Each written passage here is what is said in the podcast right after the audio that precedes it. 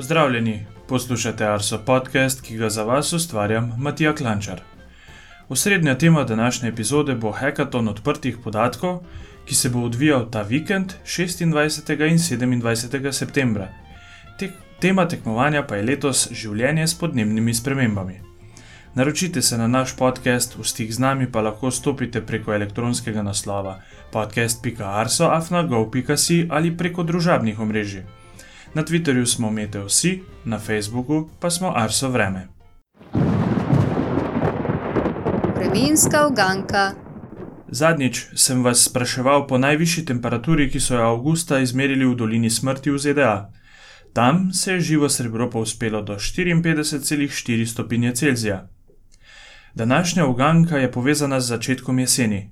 Danes, 22. septembra, smo vstopili v koledarsko jesen. Zanimata me časa sončnega vzhoda in zahoda na današnji dan za Ljubljano.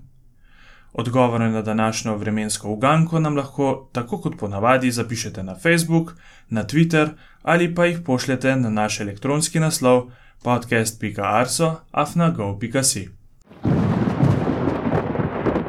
Osrednja tema. Tokrat se bomo v srednji temi dotaknili projekta, v katerega je kot vsebinski partner upeta tudi Agencija za okolje. Gre za letošnji online hackathon odprtih podatkov z naslovom Življenje s podnebnimi spremembami, ki ga v povezavi z Ministrstvom za javno upravo, projektom OPSI, Direkcijo Republike Slovenije za vode, Tehnološkim parkom Ljubljana in tehnološkimi partnerji izvaja podjetje Transformation Lighthouse. O samem dogodku bom danes govoril z dvema gostoma. Urška Ješ je ustanoviteljica in direktorica podjetja Transformation Lighthouse, ki skrbi za celotno organizacijo in potek samega projekta. Magister Aleš Veršič pa prihaja iz Ministrstva za javno upravo. Lahko bi rekli, da je ravno on kriv za to, da je projekt Hekatlona odprtih podatkov gledal luč sveta. Seveda pa bosta veliko več v vsebini povedala v nadaljevanju. Pozdravljena oba. Živijo. Živijo. Uh, se že veselite hekatlona, ki bo potekal v tem zadnjem vikendu septembra? Absolutno, mislim, te le dni pred so vse priprave na višku, tako da uh, adrenalin in napetost in pričakovanje rastejo, tako da kumiž čakamo. Mm, tudi pri meni je rekel, ta napetost uh, na vrhuncu. Odštevamo dneve, ure, minute, sekunde, da uška reče: Gremo. Kmalu bo ker imaš urška veliko izkušenj s hekatloni, mogoče za naše poslušalce lahko poveš, kaj sploh hekatlon je, pa kdo se ga lahko udeležuje. Uh, ja, hekatoni so v bistvu en način iskanja, generiranja novih idej, tako tehnoloških kot poslovnih, ki se je v svetu razširil v zadnjih letih že tako v, v neslutene razsežnosti. Uh, absolutno je to način, kako se povezuješ, uh, so kreiraš z ljudmi, ki jih prej nisi poznal. Tako da mladi se zelo radi prijavljajo že z vidika same izkušnje in networka, ki ga dobijo s tem. Um, kdo se lahko prijavi? Mi zmeri rečemo mladi, ampak to upoštevamo uh, mlade tako po letnicah kot po srcu. Uh, vse, ki jih zanima nekaj novega, da se naučijo nekaj novega, da se preizkusijo v nekem izzivu, uh, da se uh, uh, spoznajo z drugimi tematikami, kot običajno delajo. Uh, naj povem malo bolj plastično. Recimo, dobimo tudi kakšne uh, ki imajo že deset let delovnih izkušenj z recimo področja računovodstva, smo imeli že kandidate in jih zelo, zelo, zelo zanima, kaj pomeni pravzaprav iskati rešitve z področja okoljskih, okoljskih tematik. To je pravzaprav tak dogodek, ki se v dveh dneh, treh dneh, odvisno koliko se, se dogovori, lahko največ naučiš, najbolj zabavaš in največ ljudi spoznaš v res ekstremno kratkem času. Tako da je E, ena izkušnja, ki je nepozabna za vse, tako organizatorje kot tekmovalce. Mhm. Alež, kako je pa sploh prišlo do ideje prirejanja hekatlonov na Ministrstvu za javno upravo? Mhm. Ja, uh, v bistvu smo, uh, mi, ko smo se ukvarjali pač z ekipo pri odpiranju podatkov, smo iskali tudi nekaj načine, kako to zadevo promovirati. Ker smo rekli, da ni dovolj, da pač vzpostavimo portal kot neke vrste katalog, kjer se te podatke nahajajo, potem smo opazili te hekatone, ki se dogajajo. Smo rekli, zakaj ne bi to probal. Uh, in kar je pa mogoče posebnost teh, če tako rečem, državnih hekatonov, oziroma državne uprave, je ta, kar smo želeli, pa, uh, ker vemo, da pač državne pravi časih to sodelovanje, znotraj, pa tudi v kakšnih večjih organizacijah, sodelovanje med oddelki včasih cel izziv. Smo si zadali cilj, da na naših hekatonih imamo vedno vsaj najmanj dve državni inštituciji, ki si sta mogoče po vsebini blizu, vendar sta čist neodvisni ena od druge uh, in smo rekli, zakaj ne bi na ta način probal uh, sodelovati in iskati skupne rešitve za končne uporabnike, to so pa ljudje. Uh -huh. Koliko hekatonov ste pa do zdaj izvedli v sodelovanju z MJU-jem? Uh, se pravi, MJU je organiziral uh, to letos bo tretji hekaton. Uh, prvo leto smo organizirali hekaton na temo uh, turizma in kulture, tudi dosta aktualna zadeva, sploh v današnjih časih, uh, kjer smo skupaj z Slovensko turistično organizacijo ter Ministrstvo za kulturo želeli približati kulturno dediščino, pa turizem, predvsem uh, in pa tudi recimo UNESCO dediščino. Uh, v lanskem letu smo pa šli, bom rekel, malo bolj. Uh, represivne organe.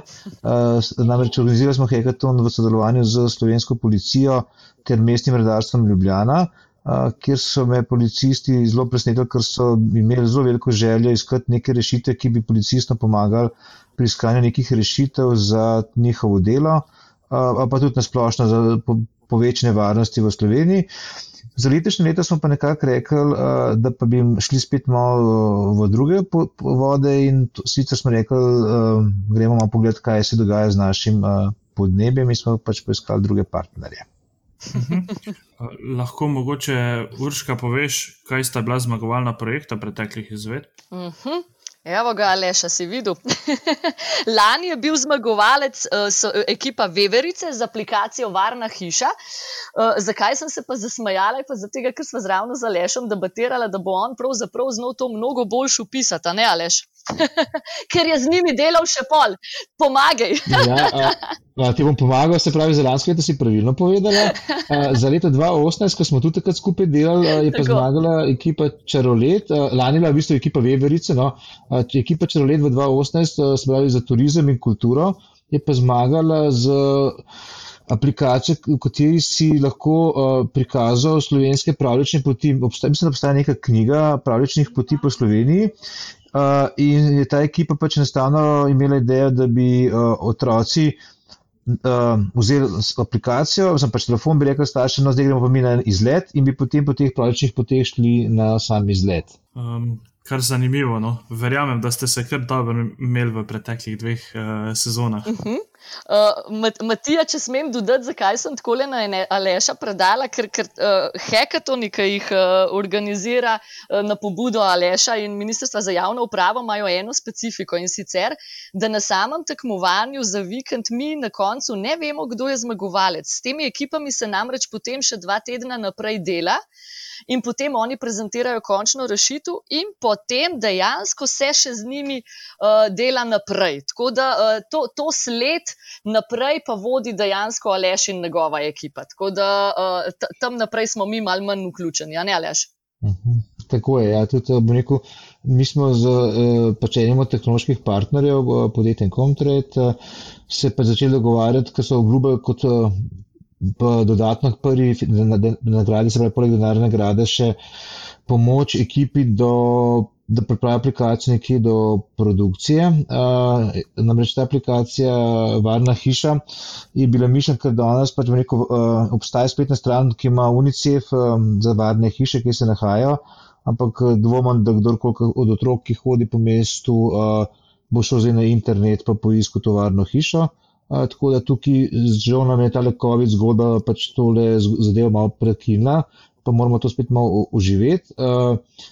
Je pa tudi mišljeno mogoče kot ideja bila, da bi tudi poleg same varne hiše lahko tudi osebe, ki so zaupanja vredne, bile lahko kot neke vrste varne osebe, ki bi potem lahko tem otrokom pomagale v stiske.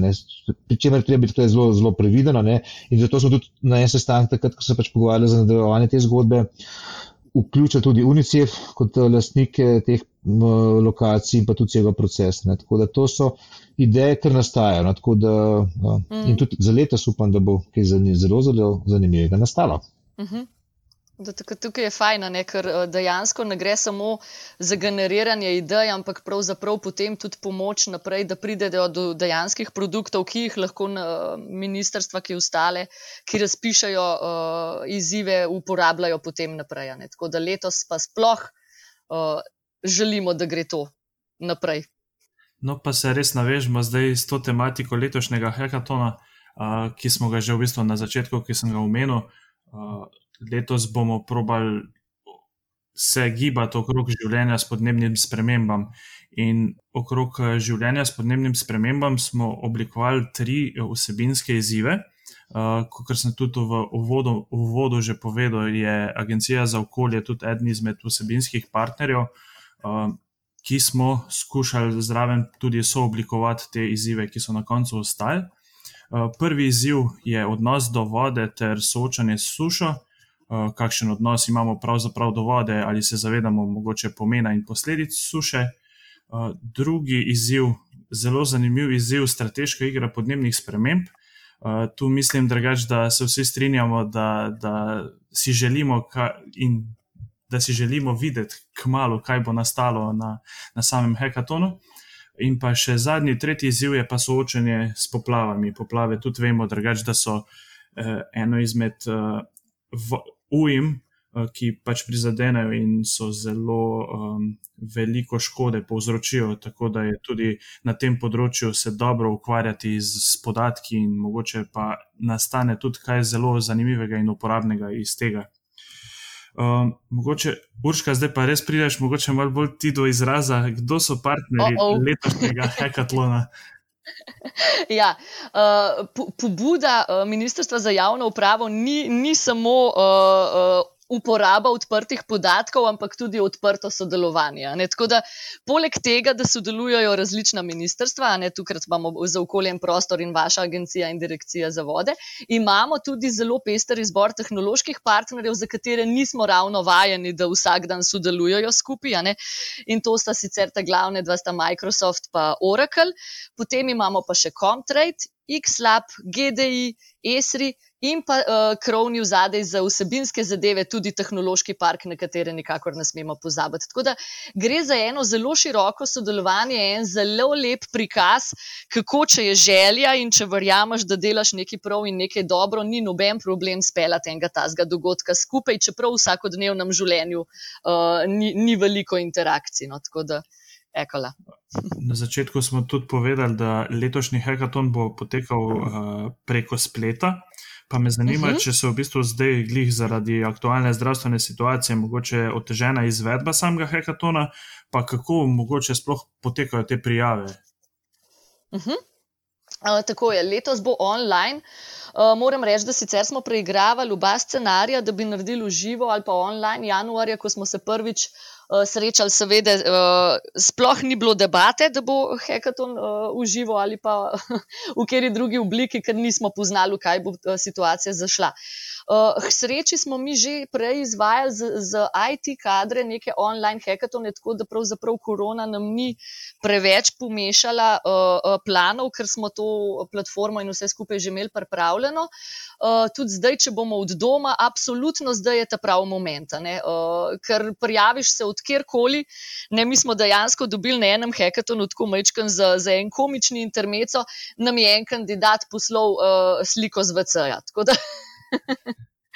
Je rekel, ravno najbolj zanimivo, jaz sem pa tu in je poslal print screen, foto, eh, selfija in smo, in smo gledali, kje. Tako da ni, mi ne, rab, ne rabimo gledati kandidatov, ne vemo, da se dogaja, zaradi tega, ker spremljamo njihove aktivnosti na platformi. Uh, tehnološko bo to tako izgledalo. Uh, za, za samo oddajo, voting in sodelovanje bomo delali, uporabljali ameriško platformo Ideascale, uh, ki že to omogoča in je testirana in preverjena, medtem pa za komunikacijo komunikacijo. Nam je pa Microsoft prijazno uh, dal na voljo uporabo MS Teamsov, tako da bomo tudi tam okolja naredili in potem bo praktično vsa debata, vse bo potekalo virtualno. Um, zdaj, definitivno uh, je. Uh, Dobra stran online hekatona je to, da lahko dosežeš več kandidatov. Ker, uh, kaj se nam včasih zgodi na hekatonih v živo? Prvo, prvo je, da izključiš kandidate, ki jim je mečkan preveč iz cone udobja javno nastopati, ker hekatoni pač hočeš, nočeš tam, je treba isto, uh, nastopati. Že tako izjutri uh, moraš nekaj narediti, potem mi skozi neki challengemo z raznimi izzivi in že zato mogoče kakšnega zgubiš. Potem, uh, verjela ali ne, kaj se velikrat zgodi, če imamo dolgo deževno obdobje in je v soboto napovedano sonce. Grejo ljudje na izlet. Če je lepo vreme in ne veš, da bo v soboto snežil, če ne spremljaš uh, arso uh, napovedi, uh, grejo ljudje smučati ali pa ma, zastanejo kje v prometu. Uh, smo že imeli, ker smo imeli kandidate iz Murske sobote, Maj, uh, Maribora ali pa iz Zagreba, ki enostavno niso uspeli priti na hekaton. Tokrat na onlineu kjerkoli si, se priključiš, delaš. Važno je, da je ekipa povezana in da se usklajuje, da se naloge delijo. Pač, uh, vse aktivnosti potekajo tako, kot potekajo v ekipi. Ekipa mora biti složna glede vsega, tako da se oni potem tudi dogovorijo, kdaj bojo bolj aktivno delali. Zdaj, kaj je še pri online hackatonu fajn? uh, kar je v živo, mogoče majčkan, uh, včasih malo pojamrajo, ne marajo tako zgodaj zjutraj začenjati, sploh ne programerija, ne v soboto ob devetih, a res ob sedmih zjutraj sem glih nehal nekaj delati. Ne? To je najbolj pogost odgovor. Ne? Na online hackatonu je tako, v soboto zjutraj se bomo dobili, razložimo pravila, jih damo delati in, in če so res karkoli počeli, nas ne bo nič motil, če bojo šli vmes še oddremati dve kitici, ker vemo, da bojo celo noč aktivni. Tako da online hackathon približa uh, pravzaprav vse skupaj uh, širši publiki. Uh, smo se vmes pa tudi naučili, kako jih angažirati, uh, animirati, da, da dobijo tudi ta uh, občutek gamification, ki ga običajno naredimo na, na hackathonih v živo. Super. Če bi imel kaj več časa, bi, še, bi se še sam prijavil, če si prodala to idejo. O, super, hvala. Ampak tako, tako računam, da, boš, uh, da, da te bomo kar, kar nekaj uporabljali. Čez vikend. Tako da. Drugačni vlogi, ja, tako. Še, tako, tako, tako. Zaključimo v bistvu celoten naš pogovor. Uh, kakšne so sploh nagrade za najuspešnejše ekipe? Ali sploh obstajajo nagrade? Ali kako je to, glede na to, da regaš, da je še vsem povezava z ministrstvi? O, ja. So nagrade lepe in aleš jih bo delil. ne, uh, uh, uh, morate pa prav turške nagrade, uh, bojo izplačene iz evropskih sredstev. Aha, okay. To je eden od načinov, kako lahko uporabimo evropske sredstva. Uh, mi pač smo rekli, uh, zmeraj smo bili v dilemi, koliko dejansko nekomu izplačati. Ne? Uh, Uh, lahko bo nekdo rekel, da je to pač mehna nagrada, velika nagrada, kako koli. Se pravi, za prvo mesto, uh, zapravo, govorimo na ekipo, je nagrada 2500 evrov, evrov neto, za drugo mesto je 1500 evrov neto, pa za tretje mesto je 1000 evrov neto za celo enotno ekipo. Vendar uh, je treba še nekaj vedeti na te uh, prvih šest ekip, uh, ki bojo uvrščene v drugi krok, tukaj že Urška omenila. Uh, bojo tudi deležne strani tehnološkega parka pač v neko dodatnega izobraževanja, kako pripraviti nek uspešen nastop in tudi v neko svojo prezentacijo dejansko izboljšati, tako da de, pač lahko prodaš svojo idejo. Ne. Kar se mi zdi, da tudi sicer ni to finančno ovrednoteno, ampak vse je, bom rekel, vse več mislim, da so lani imeli v štirih interakcijah s temi ekipami. In je tudi to, bom rekel, neka vredn, vrednota, ki jo pač dobijo ekipe in to prvih šest ekipe. Ne? Tako da tukaj so tudi te, bom rekel, nematerialne nagrade, ki pa marsikomu, ki se šele začne neko poslovno priložnost, pa zelo lahko pomagajo. No? Zdaj, mogoče bi se še dodal, no, Vem, da se nam že čas izteka. Um, Urška, skromna kot vedno, uh, je pozabila pač povedati, da je njeno, njeno podjetje bilo del uh, enega večjega hekatona, ki je bil na temo COVID-a v Evropi, uh, spravo EU versus virus, uh, kjer je bilo 200 udeležencev. In je pač Urška in njeno podjetje in njeni sodelavci pač bili zelo upleteni v organizacijsko izvedbo tega hekatona. No. Da, oh, oh, hvala lepa. ja, ja, vsekakor imamo zelo radi take pobude. Uh, jaz, bom pa, jaz bom pa tebe nazaj pohvalila. Uh, kar se tiče nagrad, moramo nekaj vedeti. Ne? Običajno, ko so nagrade za hekaton razpisane, ko vidiš, da je prvo mesto 2500 evrov, je po defaultu to bruto. Tako da tukaj govorimo o neto znesku, kar pomeni, da je to takoj nekaj več, kar običajno uh, zasledimo takole na hekatonih. Uh, poleg tega, kar bojo pa dobili še s tehnologijo, tehnološkim parkom, imamo pa tudi mi, kot Transformation Lighthouse, vedno mladim pomagamo še pri razno raznih drugih zadevah, tako da za hekaton udeležence imamo posebej na svete za tiste, ki so iskalci novih zaposlitev, kako se pravzaprav išče in kako se pogovarja z, z bodočimi zaposlovalci. Tako da vedno poskrbimo, da naši hekerji dobijo še kakšno cherry on top, s tem, da tukaj, ne pa moja spoštovana sogovornika, veste, pripravljamo pa še eno presenečenje za, za naše hekerje s podnebnimi spremembami, ampak to pa mislim, da bomo majčkam kasneje v naslednjem tednu povedali. Kakšna stvar mora biti mal presenečenje? uh, še eno stvar sem se spomnil, lahko Matija. Uh, ena stvar, ki je uh, se zgodila na lanskem hekatonu in uh, kolega iz policije, Igor Vučko, uh, je tako do mene prišel in rekel, veš, kaj se je zgodilo s neko šit, pucajkle, le bohe, kaj. Pač mi smo pa jih predstavitev na policijo, ne, ne, ne pač policijski postaje moste.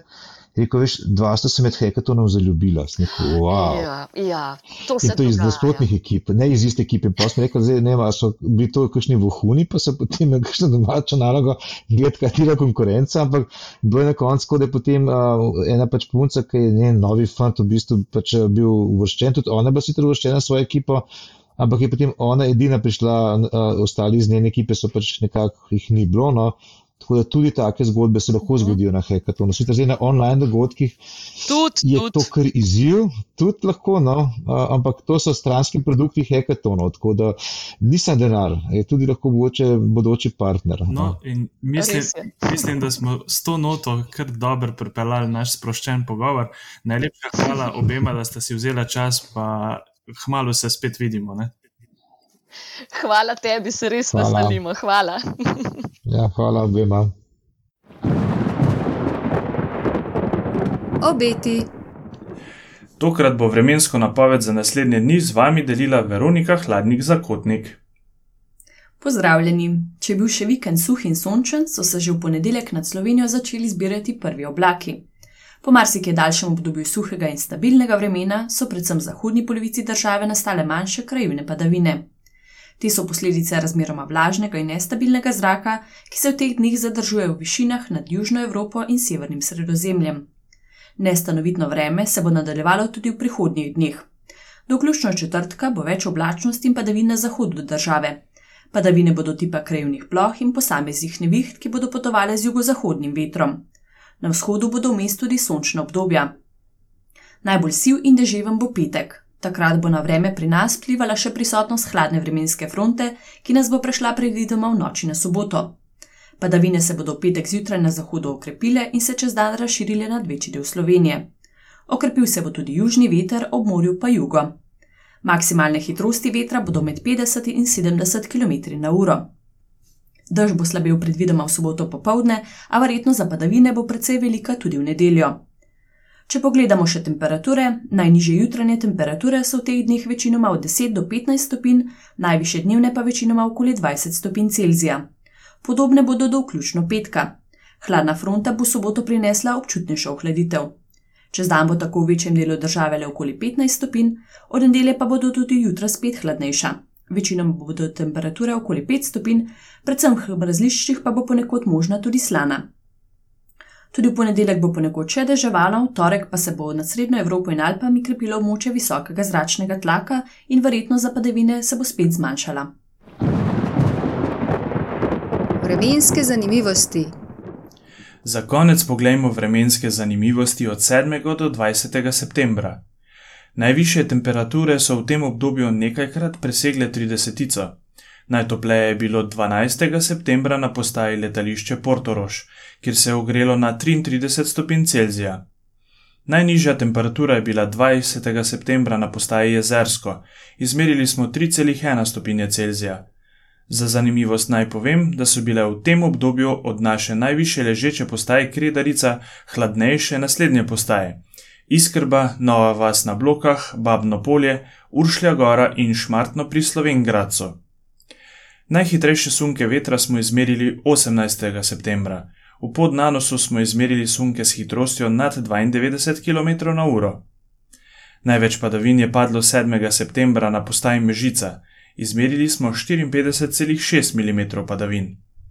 Najbolj sončna postaja v obdobju od 7. do 20. septembra je bila postaja Godnje, skupaj je sonce sijalo 150 ur in 30 minut. Najbolj sončen dan pa je bil 9. septembra, ko je na Šebrelskem vrhu sonce sijalo 12 ur in 10 minut. Hvala za vse odzive, poslušanje in pozornost, obilo lepega vremena in se slišimo čez 14 dni.